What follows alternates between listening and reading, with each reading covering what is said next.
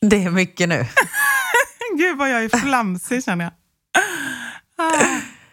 Vi filmar ju oss nu Mm. så att eh, om det sker något roligt, typ att din stol går sönder, vilket har hänt typ två gånger, så det är inte jätteosannolikt att det händer. Men att, att våra tittare då ska kunna, eller lyssnare ska kunna se detta. Jag sitter fortfarande i Belgien och du är ju hemma i, eh, i Stockholm. Men jag bara funderar på din mikrofon, mitt lilla hjärta.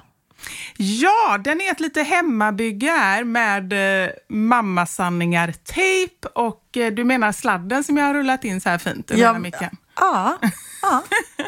Ja, nej, den är kanske inte den... Det är ett måndagsexemplar skulle jag säga. Jag får fixa en ny mikrofon nu när ni ska, ni ska se mig också. ja. Mikrofonen kanske inte är fel på, utan det är mer Mig. stativet kanske. Jag tror det, Det är med dig. dig. Jag får fixa en ny hjärna, skulle jag säga.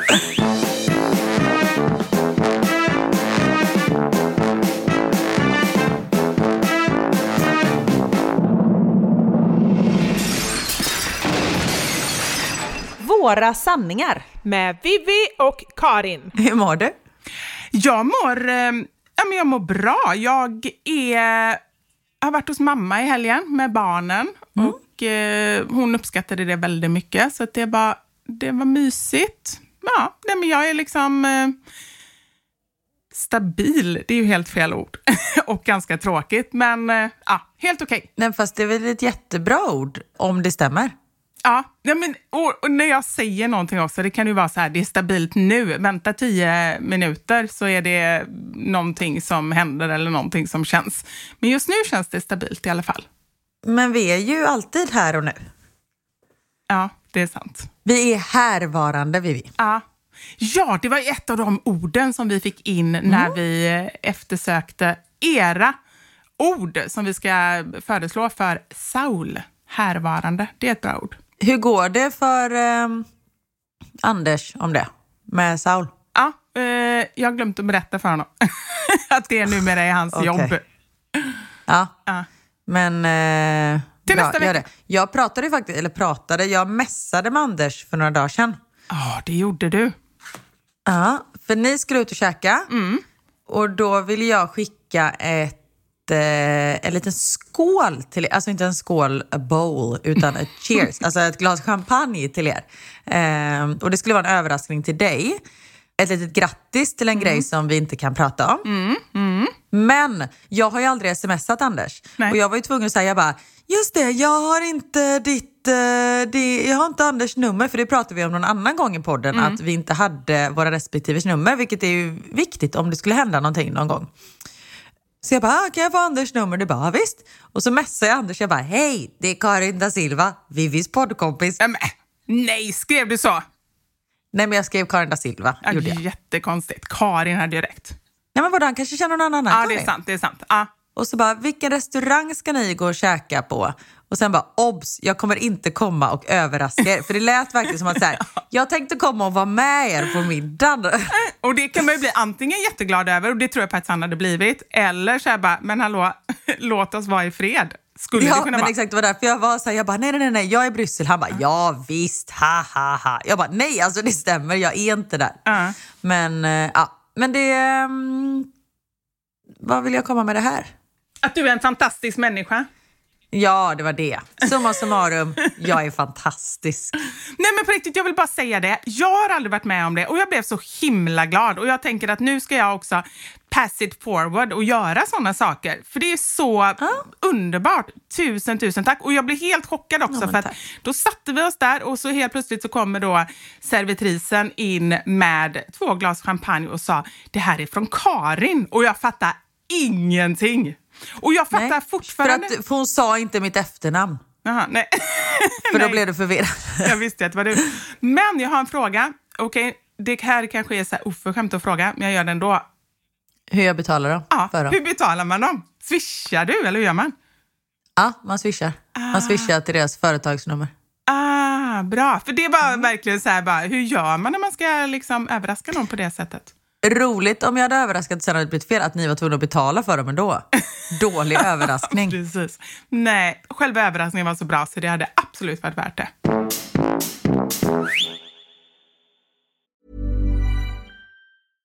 Hey, I'm Ryan Reynolds. At Mint Mobile, we like to do the opposite of what Big Wireless does. They charge you a lot, we charge you a little. So naturally, when they announced they'd be raising their prices due to inflation, we decided to deflate our prices due to not hating you. That's right. We're cutting the price of Mint Unlimited from $30 a month to just $15 a month. Give it a try at mintmobile.com slash switch. $45 upfront for three months plus taxes and fees. Promo for new customers for limited time. Unlimited more than 40 gigabytes per month. Slows. Full terms at mintmobile.com. Vi har ett samarbete med Storytel och det kan ju inte ha undgått någon vid det här laget att både du och jag, vi är ju på snudd beroende av just ljudböcker. Och förutom våra egna röster i huvudet så lyssnar vi ju alltid på en bok i lurarna. Det stämmer. Och Storytel är Sveriges största ljudbokstjänst med över en miljon ljud och e-böcker. Och det kommer nyheter varje dag. Och vi har ju pratat om det här innan, men jag är ganska känslig för vem det är som läser upp en bok. Och det vet jag att det är jag inte ensam om. Det kan vara det som avgör om jag gillar eller ens lyssnar klart på boken. Håller helt med. Men nu är det så att vi kommer bli nöjda. Du kommer kunna välja vem som ska läsa upp just den boken som du vill lyssna på. Med teknik så kompletteras den vanliga uppläsaren av tre olika AI-genererade röster. Och Den här funktionen hos Storytel heter Voice Switcher och den är helt fantastisk. Om du till exempel föredrar en lugn äldre kvinna, det gör jag, någon annan kanske föredrar en djupare mansröst eller någon som är så energifylld yngre kvinnoröst. Man väljer själv.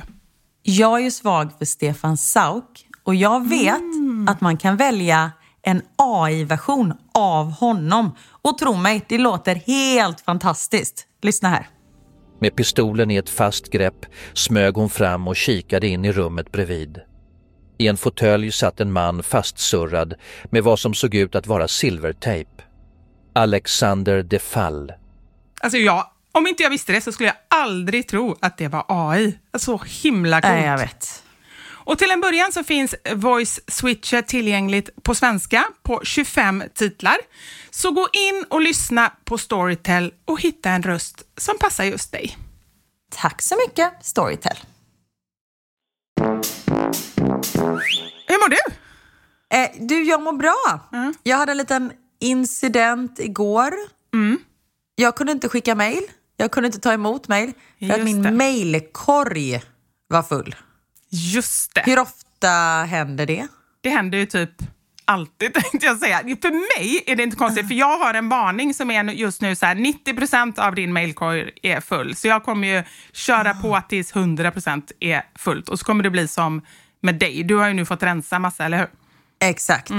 Men det gjorde ju också att jag fick ju gå tillbaka i tid. För jag var så här, men då började jag radera lite mejl och sen upptäckte jag att jag liksom har ju haft min, jag tror aldrig jag har ändrat mejladress. Nej. Eh, eller jo, det har jag. Min första mejladress var typ dancingqueen123 at hotmail.com. Alltså, Den det, det vet man ju att det, där har vi ju en het tjej. Så är det ju. Så eh, jag har ju haft min mejladress i ja, men typ 20 år. Och när jag gick tillbaka liksom i tidernas begynnelse, då hittade jag mejl från mig och Niklas när vi precis hade träffats och han var på havet. Gud, det måste vara jättespännande. Alltså, jag kan ju tänka mig att innehållet är Ja. ganska hett, eller? Det var ju det jag tänkte. Ja. Jag kan läsa ett mejl för det här. Gör Jag det. kan bara berätta lite bakgrund. Vi? När vi träffades så jobbade alltså Niklas som sjökapten i Asien. Så han var borta åtta veckor och sen hemma åtta veckor. Och när vi hade dejtat i tre veckor hemma i Göteborg, då så eh, han bara, jag ska ut på havet, jag kommer vara borta i 12 till 14 veckor. Men då var det så här, men ska vi köra på det här eller ska vi ta det som det kommer? Eller jag bara, men jag gillar det, jag gillar dig med, men då kör vi på det här. Nu typ skakar vi hand, nu blir vi ihop då. Så i och med att han var på ett fartyg, nu är det ju liksom, det är ju 18 år sedan. 18 år sedan. Ja, jag jag har varit i, ihop med honom halva mitt liv nästan. Och han kunde bara ringa vissa, typ tre dagar i veckan under en specifik tid då han var i hamn.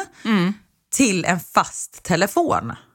Men så då när vi pratade med varandra, förutom de här liksom två gånger i veckan på bestämd tid, då mejlade vi varandra.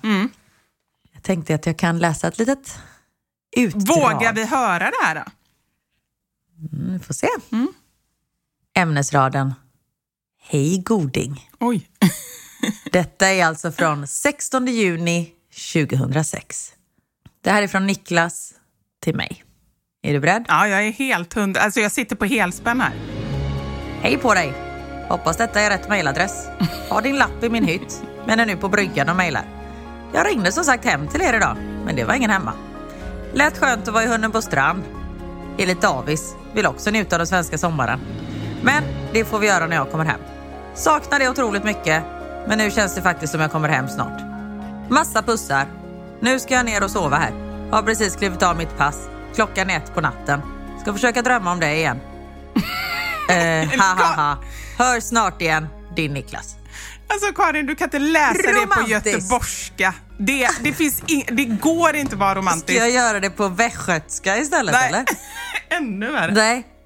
Men du kan tänka dig här, alltså vi är så oromantiska och mina svar är inte bättre. Jag hade tänkt så här, åh jävlar, nu går det hett till här. Nu blir det liksom mailsex, tänkte jag typ. För jag har inget minne så jag kommer inte ihåg vad vi skrev till varandra. Men alltså på riktigt, det är så oromantiskt. Och här är vi liksom nykära. Men kan det inte vara så att du har raderat dem som är lite, om det nu bara gick lite hett till för att du inte ville att det skulle så här, läcka ut? Jag tror tyvärr inte det. Nej. Men har du någonsin varit sån att du typ så här, har skickat lite sexiga bilder och gjort lite sånt där till Niklas? Nej. Nej. Nej, jag kan, jag skulle kunna så här, oh ikväll då jävlar och så skickar jag något litet. Alltså aldrig, aldrig skickat någon bild överhuvudtaget för jag är så rädd att de ska hamna i fel händer eller eh, liksom något sånt där. Så det finns inget sånt överhuvudtaget. Men ditt ansikte behöver ju inte vara med. Oj, vad du var van att skicka såna här bilder hör jag. Ja, men det, är det, det tycker jag är nästan mer sorgligt. Det är mindre sorgligt att aldrig ha gjort något sånt här. Jag var ändå ganska mycket sån i början av vår relation. Jag var ganska så här... ja, Men jag vet inte, jag har verkligen blivit så tråkig. Jag kunde skicka lite så rumpbilder och lite sånt där, skriva lite sexiga saker. Nu är det bara handlingslistor och liksom... ja. Glöm inte mjölk. Ja. Var är borren? Alltså typ sådana saker. Man bara, va? Ja men verkligen så. Och det, och det är nästan ännu mer tråkigt för då vet ju han att jag kan egentligen bara att jag inte vill. Ja, men vadå, skickar han någonting till dig? Nej, det gör han inte. Men jag var kanske lite Nej. mer drivande innan, så kan man säga. Och jag vet att han uppskattade det och nu är det bara så tråkigt. Han har ju gett några lite hintar om det ibland. Bara, ah, det var ju spännande sms jag skickar på dagarna. Men ja. Ja, men Niklas skickar ju test till mig, så jag vet inte riktigt hur... eh, Vadå för test? Han är ju inte den mest romantiska och det är ju inte jag heller. Nej, uppenbarligen. Tydlig, alltså obviously, när man ser de här mejlen. Men han är ganska saklig. Och så var det en gång min telefon inte funkar så jag bara, kan inte du skicka ett sms till mig så jag bara ser om jag får det? Och så bara pling pling piper det till i min telefon och jag bara, oh vad spännande, ska vi se vad det här är? Och då tänker jag att det ska stå puss, jag älskar dig, alltså det är något sånt där. Nej, det står test. Jag var så här, på riktigt, han bara, men det var ju ett test. Man bara, ja, Nej, det, är faktiskt, var det ju. Det är underkänt. Det är faktiskt inte Där okej. går gränsen, Där går eller hur? Ja, det tycker jag. Jo men det här med, jag har som sagt aldrig skickat bilder men jag kan ju skicka någonting så här, åh ikväll bla bla, alltså det någonting lite, inte så här, då ska jag göra det här och dröng, en hel liksom, lista på saker. För den är väldigt kort den listan för jag orkar inte.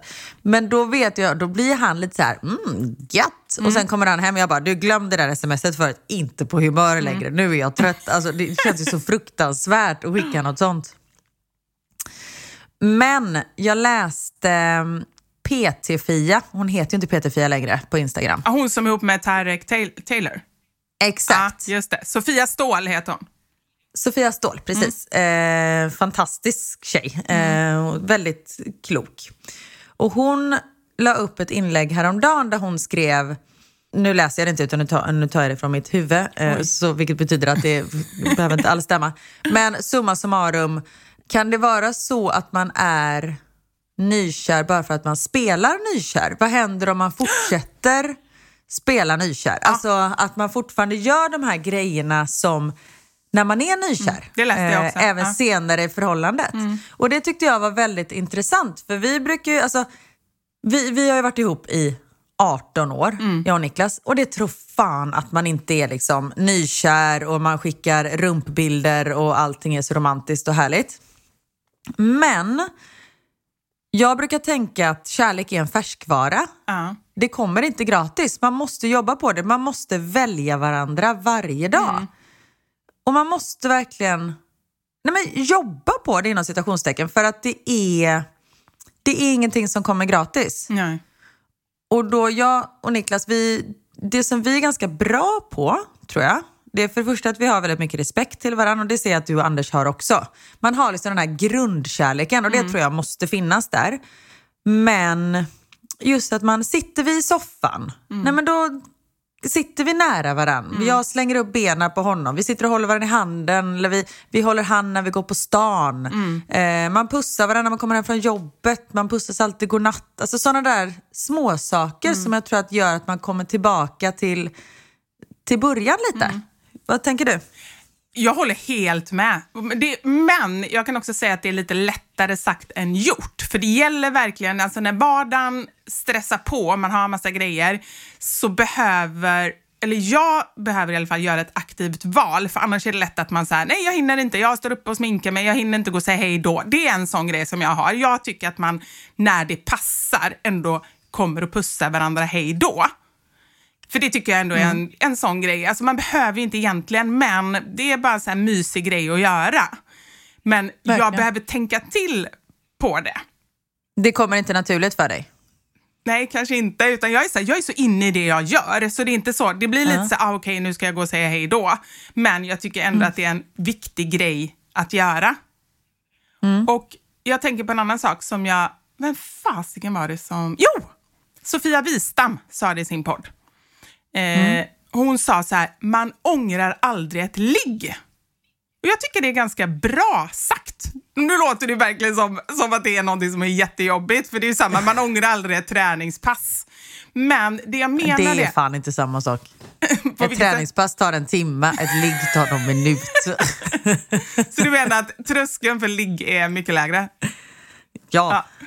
Nej men det kan ju ändå Ja. vara så här, om man inte är sugen, det är lite det jag menar. Man kan ju vara sugen och då är det inga Ja. problem. Men de gångerna man känner så nej, äh, alltså ändå kanske så här, tänka ett extra varv för det gör ändå mycket för relationen att ja, men ändå hålla igång det när Verkligen. man inte är så sugen. Liksom. Ja. Sen vill vi också bara poängtera, detta menar vi inte att vi, man ska göra någonting mot sin egen vilja. Nej, det, såklart. Men det förstår ni ju. Men jag måste bara säga det för att ha det sagt. Men det är ju inte alla kvällar man är, man är sugen, man vill bara sova. Och sen kryper han tätt intill och känner man så här, "Ugh, ja ja. Men sen efteråt är det inte så att man bara, det var ju waste av två minuter i mitt liv som jag aldrig får tillbaka. Utan då är det ju ändå så här, "Ja, det var en fin stund. En rolig grej liksom. Bara, fan, två minuter där. Det var ändå viktig sömn. Viktiga två minuter. Ja. Nej, eh, helt, eh, helt rätt. Men som sagt, man måste jobba på det. Och vi jobbade ju inte ens på det 2006, så att det har hållit till 2024 är ett under. Men det säger ju ganska mycket. Det säger ju att ni är ändå ganska stabila om ni ändå har lyckats bygga någonting på det där. Både där. Båda är liksom...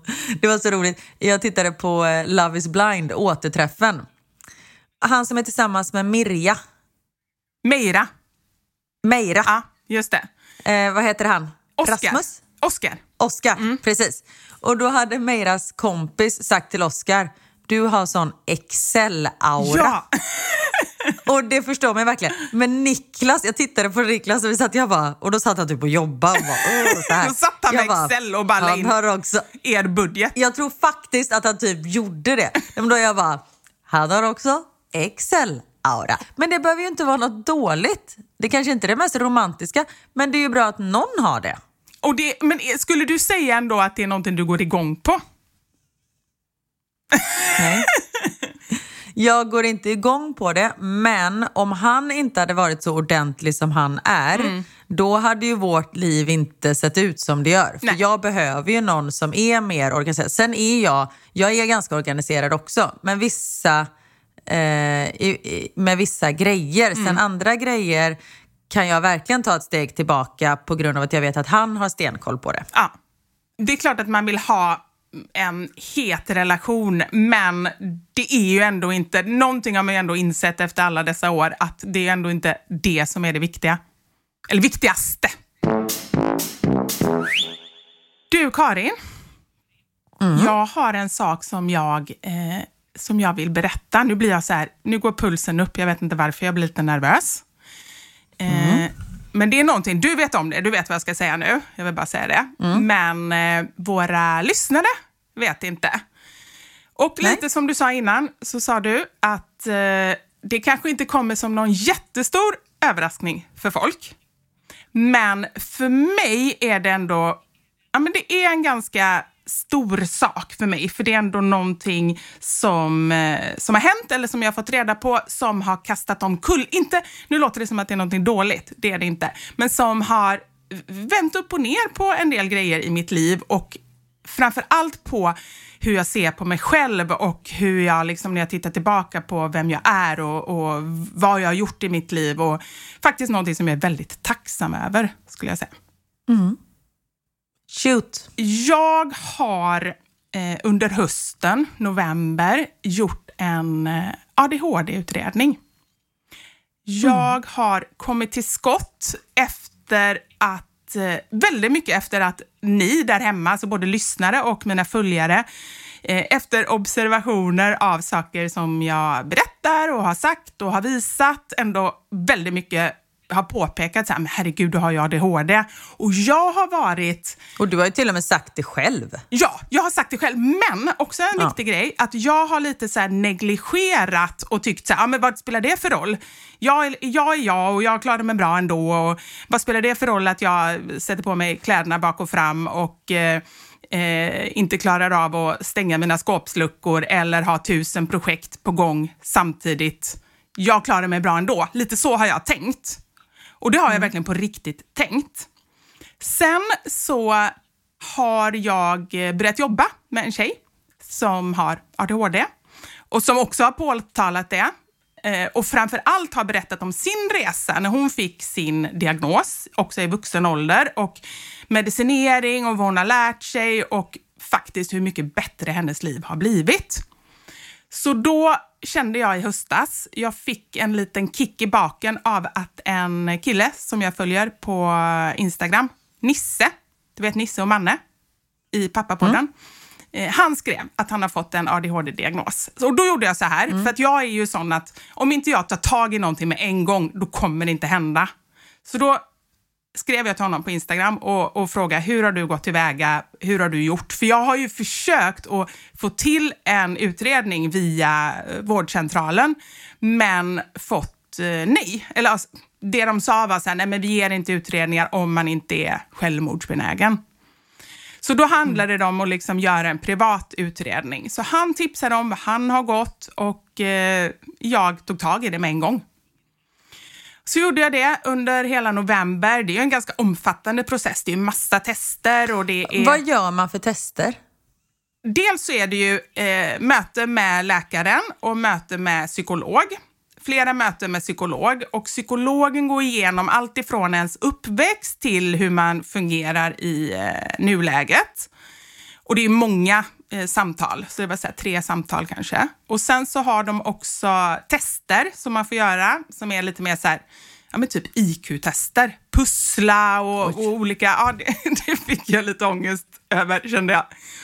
Eh, och, och sätta ihop olika så här, eh, räknegrejer och huvudräkning och ord, här, associationer. IQ helt enkelt. Jag ser, ser, du ser lite stressad ut av det. Nej, för jag tänker hur jag själv skulle klara, klara mig på sådana tester. Det var någon som så här, frågade mig häromdagen. Nej, men det är typ så här, som att, tänk att du gör högskoleprovet. Jag bara, jag bara fick panik. Ja, nej, inte, Men, nej, så ja. var det ju inte. Det var ju faktiskt inte så avancerat. Och vad jag förstår det som så är det, de testerna gör man mer för att se att man inte är liksom jättelågt eller jättehögt. Alltså att man är underbegåvad eller överbegåvad. För då kan svårigheter som man upplever bero på det istället. Så att det är liksom främsta anledningen till att man gör det. Mm. Och sen så är det också anhörigintervju, så att de pratar både med Anders, som ändå lever med mig i vardagen, God bless Mm. him, stackare. och med min mamma då. För att de måste, för att man då ska få en ADHD-diagnos så är ett av kriterierna att man ska ha haft eller visat symptom innan, om det är 9 eller 12 års ålder. Så att de pratar alltid med någon anhörig som har varit med när man har varit liten helt enkelt. Och det var ju skitorolig för, för min mamma vet inte ens vad hon åt till middag igår. Och så fort jag frågar henne så här, om hur det var när jag var liten och hur jag var, så är hon så här, nej jag vet inte. Så jag bara, hur ska det här gå? Hur ska de få något vettigt ur henne? Men jag tror ändå att det gick bra när det var liksom, när det inte var jag som frågade. Skarpt läge. Ja, Ja. att det ändå var en psykolog och sådär. Så då genomgick jag det under hela november och sen i, strax innan jul så hade jag så här återkoppling och eh, fick då diagnos ADHD. Jag ska bara läsa till här, för nu, jag, jag har ju lite fusklapp här. Det brukar jag faktiskt inte ha. Det- Jag brukar alltid bara gå rakt eh, efter huvudet, men nu har jag skrivit ner. Medelsvår ADHD med konstaterade neuropsykiatriska funktionshinder som följd. Och vad innebär det? Det innebär att det skapar problem i vardagen. Alltså att jag har funktionsbrister på grund av ADHD som gör att jag har svårt att fungera inom vissa områden, inte inom alla områden, men i vardagen. För det är också ett kriterium att man, det behöver påverka ens liv och det gör ju verkligen det. Inte att jag sätter tröjan bak och fram, skit i det, men hur jag lever nu när jag har börjat så här för hela den här processen började ju med att jag började läsa på och jag började förstå vad som, innan jag ens fick diagnosen så, så har jag ju förstått mycket mer om hur jag funkar och hur det påverkar mig och även min familj. Det är inte lätt för dem heller. Det är inte så jäkla kul och, och eh, jag kan vara rolig och impulsiv och det händer grejer och så, men det, det blir ju också jobbigt för dem eh, ganska ofta. Kändes det skönt att få det liksom svart på vitt? Det kändes jätte, jätteskönt. Det kändes så här... Det kändes som att jag på något sätt... Nu hade jag redan tänkt att ja, men så här måste det ju vara liksom. Men att jag förstår så mycket mer i mitt liv och så mycket mer av hur jag har agerat i, vid ganska många olika tillfällen. Jag känner att jag efter detta, nu är detta en process, herregud, jag har precis börjat, men efter detta också har börjat bli snällare mot mig själv. För jag inser att jag ganska mycket också har slagit på mig själv för att jag inte har klarat av saker, för att jag inte är som alla andra. Och sen bara, men herregud hur svårt kan det vara? Varför packar du inte väskan i tid? Varför kommer du inte i tid? Varför betalar du inte dina räkningar? Varför sätter du igång alla de här projekten så att det blir jobbigt för de andra i familjen? Alltså sådana saker som jag faktiskt har känt mig så himla dålig på. Och jag inser också en annan sak som jag känner är så viktig, så inser jag att jag har använt väldigt mycket kompensationsbeteende ända sedan jag var liten. För jag har förstått att det är något fel med mig. Så har jag alltid tänkt, men så har jag tänkt så här, ah, ja, det är väl sån jag är. Och så har jag försökt att liksom så här, coping heter det på engelska. Man ser hur alla andra beter sig och så försöker man bete sig likadant, för man vill inte vara den här jobbiga, konstiga och sticka ut. Vad är det du har gjort då? då? Ja, men det kan vara allt ifrån väldigt mycket kring att anpassa mig, försöka vara som alla andra, men det tar jätte, jättemycket energi i mig att vara som alla andra när det inte faller naturligt. Vad är det du känner att andra gör som inte du gör? När man får en diagnos, jag har medelsvår eh, med så här, kombinerad form. Det betyder att det är både ouppmärksamhet, som jag har svårt med, och hyperaktivitet eller impulsivitet.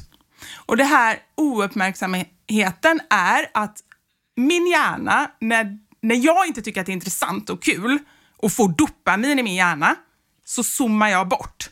Alltså jag kan så här, lyssna på en hel konversation och verkligen inte ha hört någonting. Men jag vet ju att man ska höra. Så då lägger jag till med att ja, men okej, att jag, jag låtsas lyssna och låtsas vara intresserad och låtsas vara med. Eh, vilket gör då att sen när jag kommer hem på kvällen så är jag så slut. Jag har alltid undrat det. Varför är jag så slut när jag har umgåtts med människor? Men nu, det är liksom så här, ah, jo, det är för att jag har jättesvårt att reglera min energinivå. Och jag försöker anpassa mig och vara som alla andra och så klarar jag inte riktigt det och så, så blir resultatet liksom att jag blir så himla trött.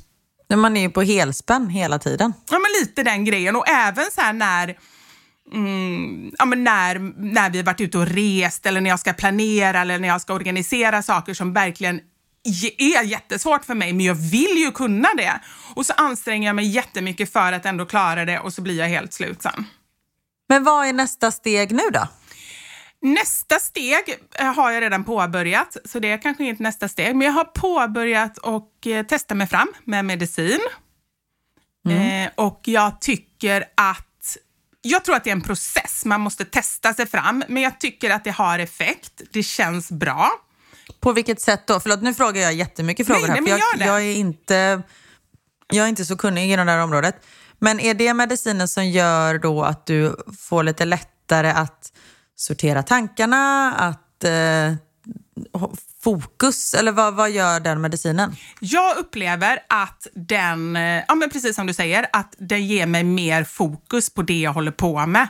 Jag kan ju normalt sett så kan jag ju lägga två timmar per dag och nu pratar jag på riktigt på att leta efter saker. Och då är det alltifrån att leta efter grejer i min dator, alltså olika dokument och grejer folk har skickat och bilder och sånt där till saker i verkliga livet. Var jag har lagt min telefon, var jag har lagt, eh, eh, ja, var jag har lagt smöret tänkte jag säga.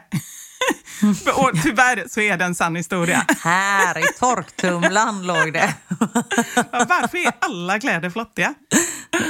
Nej men det är alltså, den grejen och jag känner att jag är mer fokuserad på det jag håller på med. Jag kan göra klart en sak som jag jobbar med. Normalt sett, visst jag kan skriva olika att göra-listor. Jag har dem på massa olika ställen så jag har ju ingen koll på dem.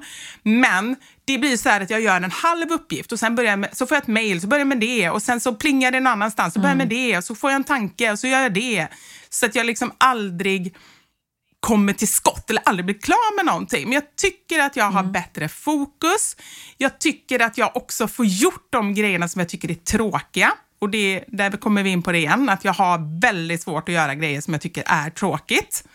Typ, Sex till exempel. men detta är så himla hemskt att säga. Och nu menar jag inte att sex är det, men nu ska jag berätta en sak. Att min ADHD absolut påverkar mitt sexliv också. För att eftersom min hjärna spinner hela tiden. Jag har ju så mycket tankar. Jag har jättesvårt att vara här och nu. Och det är ju så här liksom, när man, ja, men när man har sex, det är ju ett utmärkt exempel där jag har svårt. Då, då är det ganska bra att vara härvarande faktiskt. Medicinen gör att jag blir mer härvarande. Så att jag, jag tycker att den har gett effekt. Och sen också just det här att vara snällare mot mig själv och läsa på mer och se hur det funkar. Alltså det är liksom, så nu försöker jag mer bara så här, lära mig att leva med det och hitta ett bra sätt framåt skulle jag säga. Det väl jättebra. Ja, men det, känns, det känns väldigt, väldigt Good bra. for you. Ja. Och samtidigt, nu ska jag inte vara negativ, men det finns en liten del av mig, eller faktiskt ganska stor del av mig. Jag hoppas att den blir mindre med tiden, men ibland behöver man också få vara ledsen för saker. Men det finns en del i mig som är ledsen för att det skulle ta 46 år att få den här diagnosen. För att jag upplever att många av de problemen som jag har haft och sökt hjälp för och fått olika, jag har fått antidepressiva, nu säger jag inte att det är fel, jag kanske behöver det också, men jag har haft ätstörningar, helt säker på att det är en del också i hela den här grejen. Hade jag fått en diagnos tidigare så tror jag verkligen att jag hade kunnat bespara mig mycket jobbigt i livet. Och det känns... Det, det är fortfarande lite sorg faktiskt för mig. Sen kommer jag släppa det, men, men jag är fortfarande i det lite. Det förstår jag, men tänk då att du har ju fortfarande förhoppningsvis 46 år kvar av ditt liv. Ja, det är sant. Och det är många, det är ju väldigt vanligt. Och det är också en grej som jag blir så himla arg på. Att det är väldigt vanligt med sena diagnoser och framför allt hos kvinnor. För man har generellt gått på symptomen som är hos killar eller män. Och de är helt annorlunda på många sätt än vad det är hos tjejer. Är det inte så att kvinnor har ADHD i huvudet men har det på utsidan? Liksom, att de, de står och springer i cirklar runt ett bord, kanske inte fullvuxna män, men barn. Eh, Medan kvinnor har, eller flickor har allting i huvudet istället. Väldigt mycket så, precis så. Och att jag inte ens har vetat om det. Och det känner jag också så här, att jag pratar om det och så här, jag gör det Eh, jag gör det mycket för min skull. Alltså något annat ska jag inte säga för att jag känner att nu när jag kommer till insikter så blir jag så här, men gud jag vill bara berätta, jag vill dela med mig. Men också för att faktiskt belysa de här grejerna. För att jag är helt övertygad om att det finns många, ni som lyssnar, som sitter och känner igen er i det här och som kan få hjälp. Sen är det en annan äh, grej jag blir arg på också. Det är ju att nu har jag ju gått privat och betalat pengar för det här. Att det faktiskt blir en klassfråga. Att man ska behöva ha pengar och kunna betala för att få en utredning. Det gör mig helt vansinnig. Alla ska ju kunna få hjälp på samma villkor. Verkligen. Och just som vi har sagt innan att ibland måste man vara frisk för att vara sjuk. Ja. Eh, för att det tar så himla, speciellt en sån här diagnos, alltså då har man ju svårt att ta tag i saker och ting. Ja, ja, ja men Och precis. Det är ju det som är liksom diagnosen bland annat. Och sen så ska man behöva ta tag i någonting. Det är ju svinjobbigt. Ja. Nej, nej, men det är verkligen det. Och, och, men jag hoppas ändå att ni som lyssnar, om ni, om ni känner igen er i det här. Jag kommer ju, jag vet inte hur och, och när och sådär, men jag kommer ju prata mer om det här. Och, för jag vill ju liksom att folk ändå ska få upp ögonen. Det finns massa bra konton och sånt där. Jag kan tipsa om det vid tillfälle. Men så att man själv kan ja, se om man känner igen sig och i så fall också få hjälp själv. Det är jättefint att du gör det. Tack snälla för att du, eh, för att du delar med dig. Mm, tack för att du lyssnar. Jag sa det innan, så här, åh, för två poddar sedan då satt jag och grät. Orkar vi med en till så här lite tyngre podd där vi ändå liksom pratar allvar? Såklart jag gör. Det är högt och lågt Vivi. Ja, det är Det är våra sanningar det här. Ja, och det är så Vi får underbart. snacka om vad fan vi Ja. vill. nu blir vi, hetsar vi upp oss och blir arga här också. Exakt. Dra åt helvete.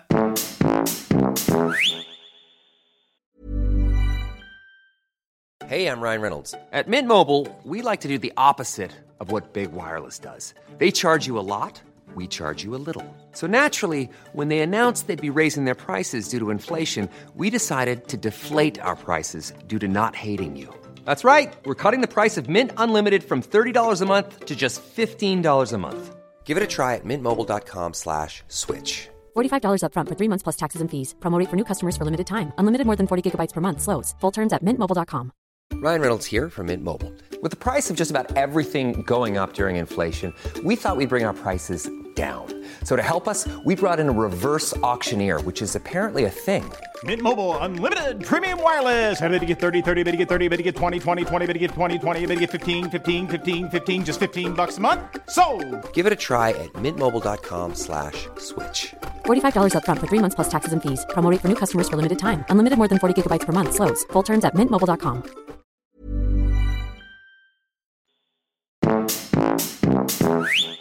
Sprudlande Vivi. Det är ju fortfarande du, det är ju inte din diagnos. Nej. Du kommer ju fortfarande vara du, bara att du kommer ha lite lättare att organisera allt vad du innebär. Precis. Och, Var det konstigt sagt? Nej, men verkligen Förstår så. du vad jag ja, menar? Jag förstår helt. Ja. Och jag vet att många är sådana att de vill inte ens ha en diagnos just för att de är rädda att de bara ska bli en diagnos. Jag känner inte alls så. Jag känner fortfarande att jag är jag. Jag känner bara att jag vill bli snällare mot mig själv vid de tillfällena som jag kanske inte lyckas så himla bra. För jag känner ju också så här att det finns ju massa saker som jag nu har förstått, kanske har med min diagnos att göra, som är kanske lite jobbiga, men också väldigt positiva. Till exempel det här att jag liksom eh, är väldigt impulsiv. Jag handlar först och tänker sen. Och det kan ju bidra till att det blir lite jobbigt, kanske framförallt för folk i min närhet. Som till exempel när jag fick för mig att, att göra de här mom wow-tröjorna och tryckte upp, liksom, inte hundra får testa, utan verkligen så här 2000 tröjor. Och sen glömde berätta för, till Anders att det kommer nu en stor lastbil med 2000 tröjor som du ska ta emot på jobbet. Alltså på, på, på hans jobb. Sådana grejer. Då får ju han betala för det medan jag är så här, bara, jag är så i flowet att när jag tycker något är kul, då bara kör jag. Och den energin är ju den också som har drivit mig till liksom massa ändå så här, både roliga saker men också att saker har gått bra. Sen har inte allt gått bra, men jag har inga problem med att vissa saker går dåligt. Jag sätter inte så Nej. mycket prestige i det, utan jag bara oj, det gick inte så bra. Utan jag är jättetacksam för många saker som kanske också är en del av diagnosen, men det spelar ingen roll. Liksom. Det är, Nej. sån, sån är jag. Och, eh, ja. Innan du började med utredningen så sa du att så här, det spelar liksom ingen roll om jag får en diagnos eller inte. Men då sa jag att men det kanske är bra för då kan du ju få lite hjälpmedel Ja. om hur man ska hantera eller om det kanske hjälper med medicin eller, Mm. eller så. Ehm, Jag tror att det var Så. en eh, försvarsmekanism också, lite hos mig. Att jag var lite rädd för att faktiskt så här, eh, antingen inte få diagnos och bara så här, för det hade ju varit lite så här, ett, bra, för då vet jag. Så det är alltid någonting positivt ändå med att göra en utredning. För det är ganska många som inte får en diagnos som gör en utredning. Det vill jag också säga. Det är lätt att tro så här, ah, men bara för att man gör en utredning så får man en diagnos. Många får ju eftersom man söker ju inte om man inte tror att man ändå har. Men det är också Nej. många som inte liksom uppfyller kri- kriterierna. Men ehm, hade jag inte fått en diagnos, då hade jag accepterat det och då hade jag åtminstone vetat. Men nu när jag har en diagnos så känner jag verkligen så här att nu kan jag ju göra någonting åt det. Nu kan jag ju testa och se vad som händer med medicin. Jag kan ha den här förståelsen för mig själv och även min familj lite grann också. Så här, vissa saker. Jag vill absolut inte, det känns superviktigt för mig, att inte använda den som nej, jag kan inte göra det här, jag har ADHD, jag kan inte betala mina räkningar. Även om det är lite så, just mot Anders. Nej, men jag vill inte ha det som en så här ursäkt, utan det handlar mer om Nej. för mig själv att inte vara så hård mot mig själv. jättebra Vivi. Tack Karin. Heja dig. Heja, heja. Eh, jag vet inte om det är att vi bjussar på oss själva eller att vi bara är väldigt öppna. Men vi, vi gör ju bort oss ibland. Eller ibland, ganska ofta. Det kan man säga. Jag började ju tänka när vi valde då veckans sanning som handlar om då gjorde jag bort mig. Och bara insåg så här, så mycket konstiga saker. Gör inte vi bort oss oftare än andra? Eller vad tror du? Nej, men jag tror också det att vi pratar om det, att vi berättar om det. Så men sen också att vi är liksom ganska mycket outgoing och när vi väl gör någonting då märks det. Ja. Vi go out with a bang. Och att vi kanske handlar först och tänker sen, vilket gör då att man så här, Ja. springer längs vattnet utan isdobbar när det är svinhalt och ramlar i vattnet. Alltså vissa sådana grejer är ju så här, nej men det, det kanske inte bara är att man har otur utan Vissa också... av oss gör ju mer sådana saker än någon En annan, annan. av oss. Men, ja. Ah, herregud. Men det är ju faktiskt det som veckans sanning ska handla om. Men det får ni ju vänta till på torsdag och höra, för det är ju i torsdagens avsnitt. Jag har fått jättemånga. Jag med. Så roligt. Folk gör bort sig. Ja. Och det är underbart. Jag satt och skrattade högt när jag skulle natta Theo igår. Så låg jag och läste igenom massa DM som jag hade fått. Han bara, mamma, det är väldigt svårt att sova när du ligger och skrattar. Jag bara, sant. Det får du ta, Så, ja. unge. Faktiskt. Nej, men så det får ni höra på torsdagens avsnitt. Och vi har fått så mycket fin respons från er att vi släpper två avsnitt i veckan. Och eh, det är vi jätteglada över att ni tycker att det är bra. Ja, men verkligen. Så då hörs vi igen på torsdag. Det och gör vi. Ta hand om er. Ha det gött!